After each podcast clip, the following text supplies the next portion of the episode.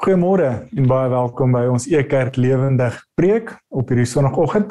Ons is regstreeks hier uit uh Gauteng uit op 'n reënerige, nat en ek wil amper sê bewolkte en koue Sondagoggend. Ons hoop waar ook al jy is en waar jy saam met ons inskakel, ons hoop regtig waar dat God verheerlik sal word deur ons uitsending vanoggend. En indien dalk later saam inskakel, jy's meer as welkom. Ons hoop nog steeds dat God verheerlik sal word waar ons vanoggend rondom God se woord sit en kan saam fokus op die adventtydperk maar ook so vorentoe op Kerstyd. Amen. Ons is nou in die kerkkalender besig in die proses of in die tydperk van advent. Nou advent is 'n 'n wonderlike tydperk in die kerkkalender. Dit is 'n 'n tydperk waar ons vorentoe kyk en ons wil kyk na die koms van ons verlosser van Christus. Miskien van julle is julle al in die proses waar julle dit al reeds vier in en rondom die huis. Maar in die kerk is dit altyd 'n wonderlike tydperk want ons kyk vorentoe en ons kyk na die koms van ons verlosser, maar ook so kyk ons terug om te sê hoe God al reeds as kind vir ons gestuur is. As ons in die in die Bybel kyk, dan kan ons dit al reeds sien in die Ou Testament in Israel waar hulle ehm um, teruggekyk het. Hulle kyk terug na hulle verlede toe en sien hoe God hulle gered het uit Egipte uit, uit slawerny uit, die Exodus. Maar dan was daar ook 'n tydperk waar hulle in ballingskap was, waar hulle weggevat was uit Israel uit die beloofde land uit. Dit was in daai tydperk waar hulle toe vorentoe gekyk het om te sê, maar God sal weer intree. Hy sal weer ons red en ons die na die beloofde land en na sy volk, na sy plek toe vat. So ons vandag as as die kerk hier in 2021 het ons ook daai voorreg. Ons kyk terug en ons sien dat God Immanuel, God het sy seun vir ons gestuur om gebore te word in 'n krib in Bethlehem. So kan ons alreeds dit voel aan ons lyf in die hier en die nou dat God ons verlos het, dat God sy verlosser Christus vir my en jou gestuur het. Ook so kan ons egter vorentoe kyk en sê maar maar God het sy verlosser, sy seun vir ons gestuur en ons beleef sy ewige lewe alreeds in die hier en die nou want God se koninkryk is ingelyf deur wat Jesus vir ons kom doen het. Maar tog is ons as gelowiges vandag, ons kyk nog verder en ons weet maar God gaan weer kom. En dit is die tydperk waarin ons vandag is. Dis hierdie advent van ons kyk terug en ons besef ons sit in die hier en die nou en ons beleef dit. Ons kyk ook so vorentoe. En Dietrich Bonhoeffer, 'n Duitse teoloog het my baie gehelp in hierdie advent tydperk. Hy het gepraat van uh, hy het 'n klomp refleksies geskryf in en rondom hierdie advent. En hy het dit geskryf in die woorde van slegs mense wat nie rus vind in hulle siel nie kan advent vier. Nou wat hy bedoel met dit is ons kyk terug na hierdie krib, na hierdie verlossingsgebeur, die feit dat God sy seun gestuur het. Ons beleef hoe Jesus ons alreeds verlos het. Ons het dit hier nou. Maar ons weet, ons het net 'n smaakie gekry daarvan. Dit is nog nie in vol kleur ingekleer nie. Dit is nog nie in stereo gebeur nie. Ja, God se koninkryk se realiteit. Ja, ons beleef God se verlossing, maar ons bly nog steeds mens. Ons bly nog steeds fout doen. Ons bly nog steeds sonde doen. So ons weet eendag gaan Christus weer kom. Net soos wat hy opgevaar het hemel toe, gaan hy weer afkom. En dan weet ons, dan gaan al die trane afgevee word. Dan gaan ons vir 'n ewige lewe van vreugde en blydskap in God se teenwoordigheid wees. So dit is hierdie antisisipasie wat ons dan het. So dis hoekom ons nie rus het in ons siel nie. Want ons het al 'n smaakie daarvan gehad, maar ons weet dit gaan nog beter wees. Dit gaan nog in volkleur kom. So ons weet wat ons hier het is nog nie volbring nie. En dit moet ons rusteloos maak om te sê wanneer kom hy weer? Hoe gaan dit wees as hy kom? Mag hy weer kom. En dit is met hierdie wat ek vanoggend ons wil op 'n reis vat. Uh want ons sit in hierdie tydperk van ons gaan dit noem spanning, want ons het hierdie spanning van God het al reeds gekom as Jesus Christus as ons verlosser, gebore wat ons vier in en rondom hierdie tydperk, maar ons weet ook hy gaan weer kom. En ons leef tans in hierdie spanningstydperk. Ons kan dalk noem ook 'n seisoen van wag. Ons sukkel in vandag se tyd om te wag want ons wil nou antwoorde hê. Ons wil nou ehm um, al die oplossings hê. Uh die Engelse praat van instant gratification. Ons wil nie meer wag nie. Maar ons as gelowiges weet ons kan wag want dit is 'n belofte. En God is 'n God wat sy beloftes nakom. Maar nou sit ons in hierdie tydperk van wag, tydperk van spanning. Nou wil ek vandag julle saamnooi. Kom ons gaan kyk na drie figure in die Bybel. Drie figure, persone in die Bybel wat juis in so 'n tydperk in hulle lewe was, 'n tydperk van wag, 'n tydperk van wanneer kom dit? Ons het dit al reeds geproe, maar dit was net 'n voorsmaakie. Hoe gaan dit lyk as dit volbring word? En dan gaan ons vra, wat kan ons leer by hierdie drie figure terwyl ons vandag wag as die kind van God weer kom? Die eerste figuur wat ons wil kyk of persoon is Moses. Neem jy jou Bybel saam met kan jy oopmaak um, by Deuteronomium 32. Wil ek vir ons eerste gedeelte lees. Um dit dit, dit praat oor die einde van Moses se lewe. En ek lees ons Deuteronomium 32 vanaf vers 48. Op dieselfde dag waarop Moses so met die Israeliete gepraat het, het die Here vir hom gesê: "Klim op Neboberg in die Abiramberge in Moab regoor Jerigo en bekyk Kanaan wat ek vir die Israeliete as besitting sal gee. Jy sal sterf op die berg waarop jy moet klim." So het jou broer Aaron gesterf op Horberg. Hulle was voor die oë van die Israeliete aan my ontrou by waters van Mariba Kades in die Sin woestyn, want hulle het my nie daar voor hulle oë as die heilige geëer nie. Jy sal die land wat ek aan die Israeliete sal gee, reg oor jou sien, maar jy sal daar nie binne gaan nie. So as ons dit so vinnig lees, dan mag Moses dalk vir ons hier eerder 'n antitese wees van advent, van dit moet mos nou wees hoop, daar moet 'n eindbestemming wees wat vir ons hoop gee. Maar as ons die verhaal van Moses lees, dan sien ons dit mag dalk wreed klink vir ons vandag, want Moses is die een wat God geroep het om die Israeliete uit Egipte te bevry, uit en deur die Exodus, deur die Sinwoestyn vir jare lank was Moses hierdie spreekbuis vir God met die volk en vir die volk met God. Hy was middelaar tussen die volk en God. Maar dan lees ons hier ongelukkig die realiteit waarin ons ook sit vandag. Ons moet ook na ons eie harte kyk.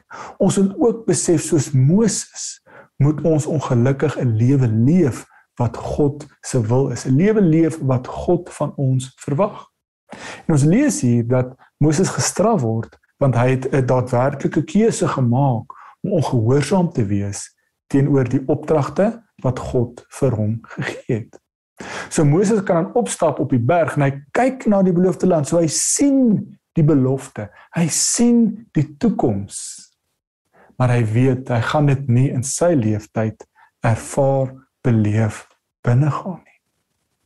Nou wat ek vir my en jou vandag in hierdie advent tydperk vra is eerder wat is die of in die hier en die nou mag ons bewus wees moet ons eerder bewus wees van ons verlede? Ja God het ons verlos. Maar ons kyk na die verlede na die toekoms toe. Ons gaan 'n ewige lewe by God hê. Maar ook hier in die nou moet daar gevra word hoe leef ons? So nie moralisties raak en sê ons moet sekere goedertjies aftik om te sê ons leef reg nie Maar ons raak bewus van ons eie menslike bestaan. Ons moet bewus wees van ons eie tekortkominge. Ons moet bewus wees van ons eie sonde. So dit is die beginplek om te besef dat in hierdie advent tydperk moet ons staan binne toe ook draai op 'n tyd en na ons eie siel kyk en sê waar is dit wat ek kortskiet? Waar is dit waar ek dalk soos Moses mag optree? En ek weet God verwag van my om so te leef, maar ek kies om dit nie te doen nie. So daar's ook 'n realiteit vir as Christus weer kom, gaan ons moet rekenskap gee, neem oor hoe ons leef, hoe ons opgetree het terwyl ons in die hier en die nou is. En daar's wat Dietrich Bonhoeffer vir ons ook help. Hy het gepraat van ons maak genade soms goedkoop. Nou wat hy bedoel met dit is, ons kyk terug en ons sien ons verlosser is gebore. En ons sien die kruis gebeur en ons weet soos Paulus sal sê ons is nuwe mense. Ons ou sondige natuur is gesterf, doodgemaak. En ons staan saam met Christus uit doodheid op as ons opgewek. Ons is nuwe mense. So ons leef as nuwe mense. So ons sondes is vergewe. Maar dan mag ons soms as mense nog steeds aanhou sonde doen. En dit is dan wanneer ons God se genade goedkoop maak. Want ons kies om sonde aan te hou doen. As jy hoor my woorde mooi, daar's 'n verskil tussen om te kies om dit aan te hou doen en om dalk per ongeluk nog steeds as gevolg van ons menslike natuur in sonde te verval. So die eerste figuur help ons om vir onsself ook in die spieël te kyk of ook Christus te vra om ook deur sy gees besoeklig in ons lewe te plaas om te sê hoe lyk my lewenstyl in die hier en die nou in hierdie wag tydperk. Die tweede figuur wat ek na ons wat wat ek graag wil bekendstel vir ons vandag is in hierdie Kerstydperk of oploop na die Kersseisoen toe is Josef. Dit is 'n wonderlike figuur wat in hierdie tydperk baie op gefokus word en ek wil vanoggend ook Matteus 1 vir ons lees. Waar ons stil staan by ons tweede figuur vanoggend. Matteus 1 vanaf vers 18. Hier volg nou die geskiedenis van die geboorte van Jesus Christus. Toe sy moeder Maria nog aan Josef verloof was, het dit gebleik dat sy swanger is sonder dat hulle gemeenskap gehad het. Die swangerskap het van die Heilige Gees gekom. Haar verloofde Josef wat aan die wet van Moses getrou was, maar haar tog nie in die openbaar tot skande wou maak nie, het hom voorgenem om die verloving stilweg te verbreek. Terwyl hy dit in gedagte gehad het, het daar 'n engel van die Here in 'n droom aan hom verskyn en gesê: "Josef, seun van Dawid, moenie bang wees om met Maria te trou nie, want wat in haar verwek is, kom van die Heilige Gees. Sy sal 'n seun in die wêreld bring en jy moet hom Jesus noem, want dit is hy wat sy volk van hulle sondes sal verlos. Nou wil ek net 'n paar verse bietjie later ook lees. Ons sien dan net hierna dat 'n uh, Jesus word gebore. Hulle is in Bethlehem in Matteus 2. Daar kom ehm um, wyse manne uit die ooste uit en besoek hom hulle Jesus. En dan hoofstuk 2 vanaf vers 13 dan lees ons nadat hulle vertrek het, dit is nou die mense uit die ooste.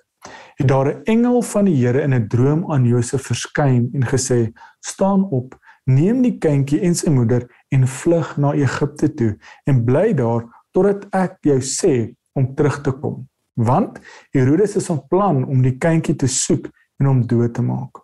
Josef het toe opgestaan en in die nag die kindjie en sy moeder geneem en na Egipte toe vertrek en daar gebly tot die dood van Herodes. So is vervul wat die Here deur die profeet gesê het: Uit Egipte het ek my seun geroep. So ons sien hierdie wonderlike gebeurtenisse is Matteus dit vir ons weergee van die geboorte, die die wonderwerk van die geboorte van ons verlosser, die Here Jesus Christus. Maar ons sien hier ook as ons met die bril kyk vandag om om te wag. Dan sien ons Josef is hier vir ons 'n wonderlike uit en uit 'n voorbeeld van hoe dit lyk om te wag en te vertrou op die Here. Ons lees dat hulle is verloof en dat Maria swanger is en Josef wat 'n godvreesende persoon is en hy's gehoorsaam aan die wet van Moses wil hy nie skande bring om in die openbaar die verloving te breek nie want kom ons wees nou eerlik hoekom is hy swanger? Sodat hy in die natuur in die wêreld se oë eerder het daar 'n skandelike ding gebeur. En Josef wil tog nog steeds die regte ding doen om in die privaat van haar te skei of die verloving eerder te breek. En so kom die vertroue die die wag in. Engel verskyn aan Josef en sê wat hier gebeur het is 'n wonderwerk. Dit is gebeur, dit gebeur deur die werking van die Heilige Gees. En net daar vertrou Josef vir God en die engel en die werking van die Heilige Gees. Word gebore En so kom daar 'n engel wat 'n tweede keer met hom gesels en sê julle moet nou vlug vir julle lewe, gaan terug Egipte toe. Want julle is in gevaar. En Josef is gehoorsaam aan die werking van God deur die engel en so vlug hulle na Egipte toe en daar is Josef in 'n tydperk van wag om te wag dat Herodes doodgaan. So gaan hulle terug na Judea toe, die onbelangrike plekkie in die eerste eeu, na Nasaret, 'n klein dorpie toe. So sien ons dat hoe Josef hierdie openbaar gekry het toe Maria swanger is, maar dat hy eers jare later die werking kan sien van Jesus Christus toe hy as 'n groot mens sy aardse bediening begin en wonders begin verrig en God se koninkryk 'n realiteit laat laat gebeur, sigbaar maak in sy tyd. So is Josef in hierdie tydperk van wag en vertroue op die Here. Ons derde figuur wat ek by stil staan vanoggend is die moeder van Jesus. Ek wil stil staan by Maria.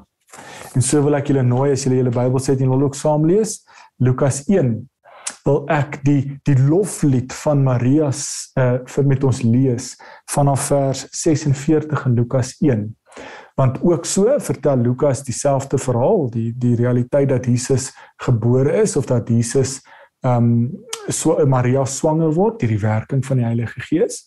Maar in Lukas hoor ons hoe ehm um, Maria en Elisabeth Elisabeth met mekaar gaan gaan kuier en besoek en so kom werk die Gees deur Maria en Maria sing hierdie loflied in Lukas 1 Maria het gesê ek besing die grootheid van die Here.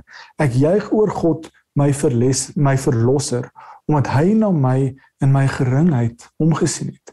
Kyk, vanal sal elke nuwe geslag my gelukkig noem omdat hy wat magtig is groot dinge in my gedoen het. Heilig is sy naam. Hy bewys ontferming van geslag tot geslag aan die wat hom eer. Kragtige dade het hy met sy arm verrig hoogmoediges in hulle eie waan te uitmekaar uitgejaag maghebbers het hy van trone afgeruk en geringes verhoog behoeftiges het hy oorlaai met goeie gawes en rykes met leë hande weggestuur sy dienaar Israel het hy te hulp gekom deur te dink aan sy beloftes van sy onverdiende liefde Soos hy dit toegesê het, het hy ons voorvaders aan Abraham en sy nageslag tot in ewigheid.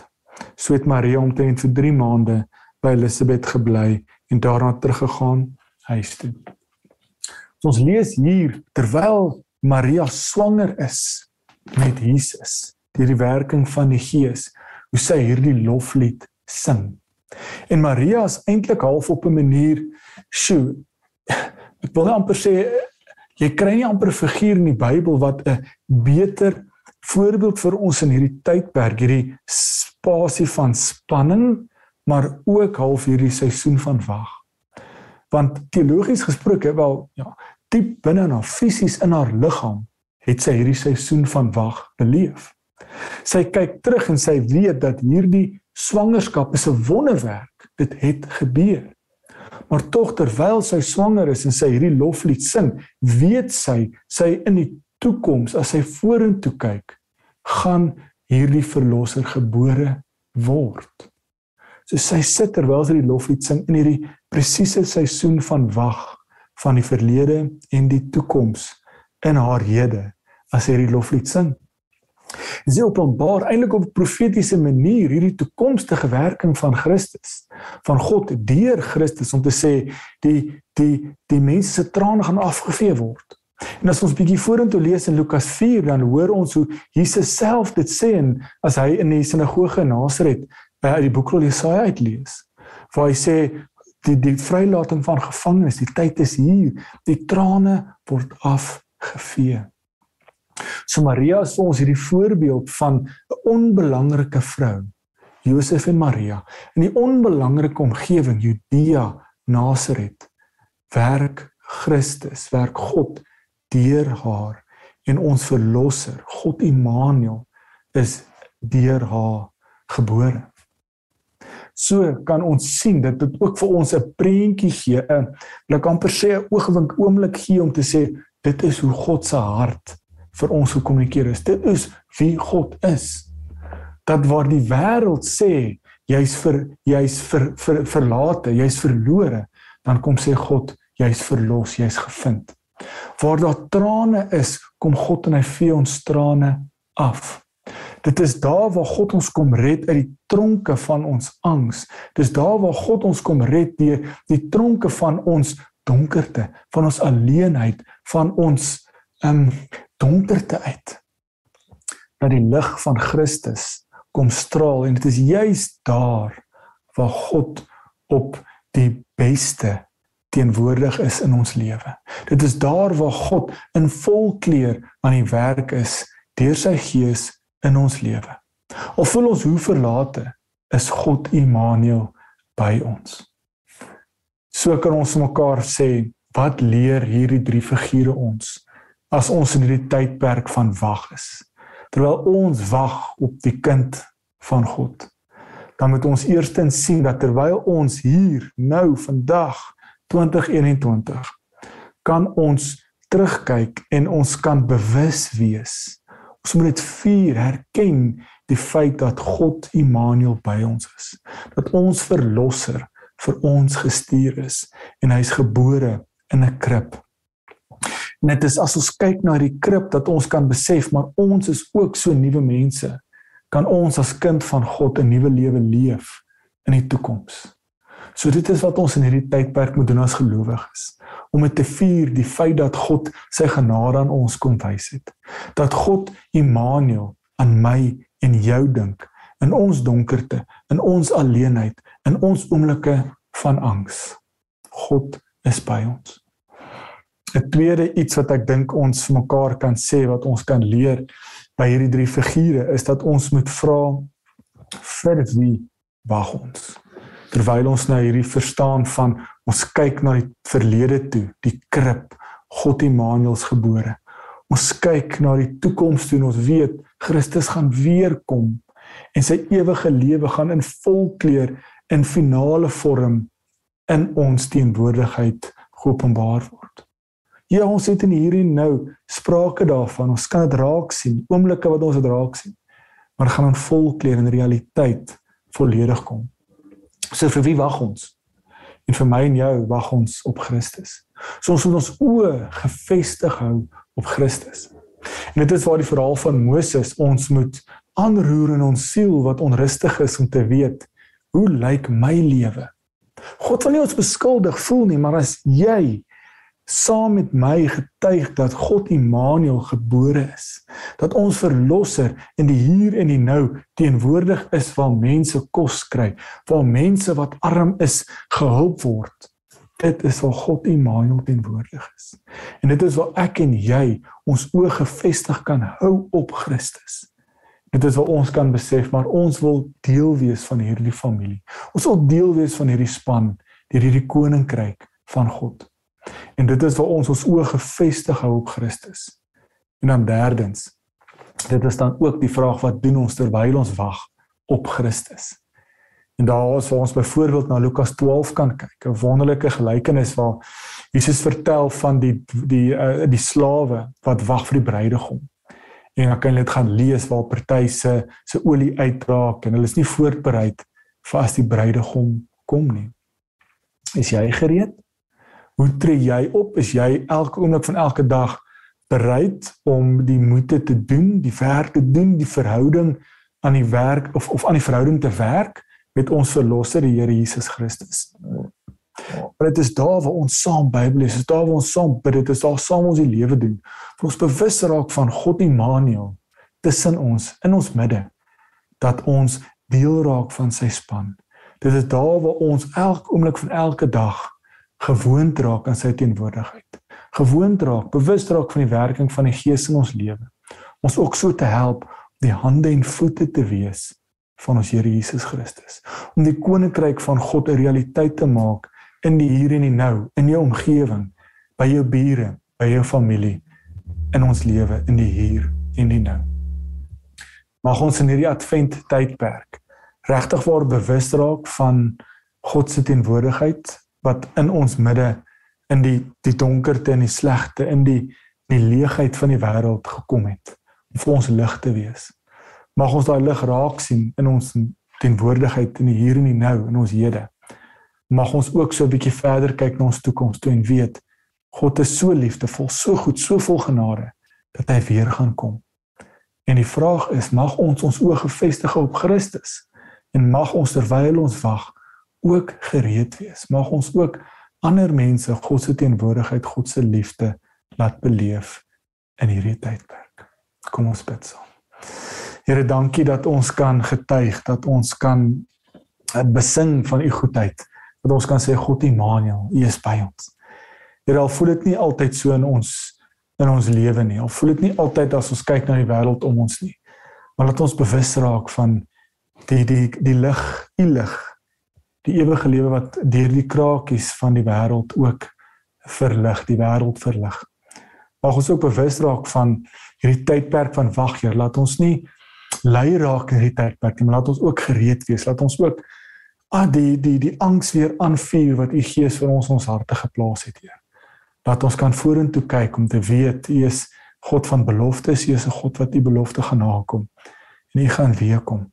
En help ons ook om in hierdie tydperk van waar ons wag terwyl ons wag op die kind wat moet terugkom aarde toe Heer. Laat ons ook in hierdie proses fees vier oor dit wat ons al reeds beleef het ervaar het wie ons is in u en ook in hierdie kerstyd Heer. Laat ons ook die hande en voete wees om in hier en nou ook u lig te wees verskil te wees wat u ook voorgekom het in die wêreld en kom sterf het voor. Vra dit natuurlik in u groot en heilige naam alleen. Amen Baie baie dankie dat jy ingeskakel het op hierdie sonoggend. So nou ons julle uit uh, op Kersoggend gaan Stefan vir ons 'n Kersboodskap lewer 9uur op hierdie platforms ook so die 26ste Desember en dan gaan ons ook dan weer die 2de Januarie weer voort met ons Ekerk lewendig uh, preke.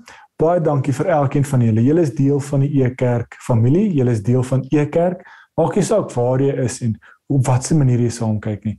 Dankie dat jy deel is van ons om ons roeping uit te leef om Jesus meer sigbaar, voelbaar en verstaanbaar te maak. Totsiens. Ekerk se hardloop is om Jesus sigbaar, voelbaar en verstaanbaar te maak. Ons wil jou graag uitnooi om ook by Ekerk finansiëel betrokke te raak. Ekerk se noodprogramme is in hierdie tyd van corona volspoed aan die gang. Jou geldelike bydrae maak dat ons meer vrygewig kan wees. Jy kan 'n bydrae maak deur middel van SnapScan, Zapper of EFT met die bankbesonderhede wat op die skerm verskyn. Hierdie inligting is ook by www.ekerk.org beskikbaar. Thank you.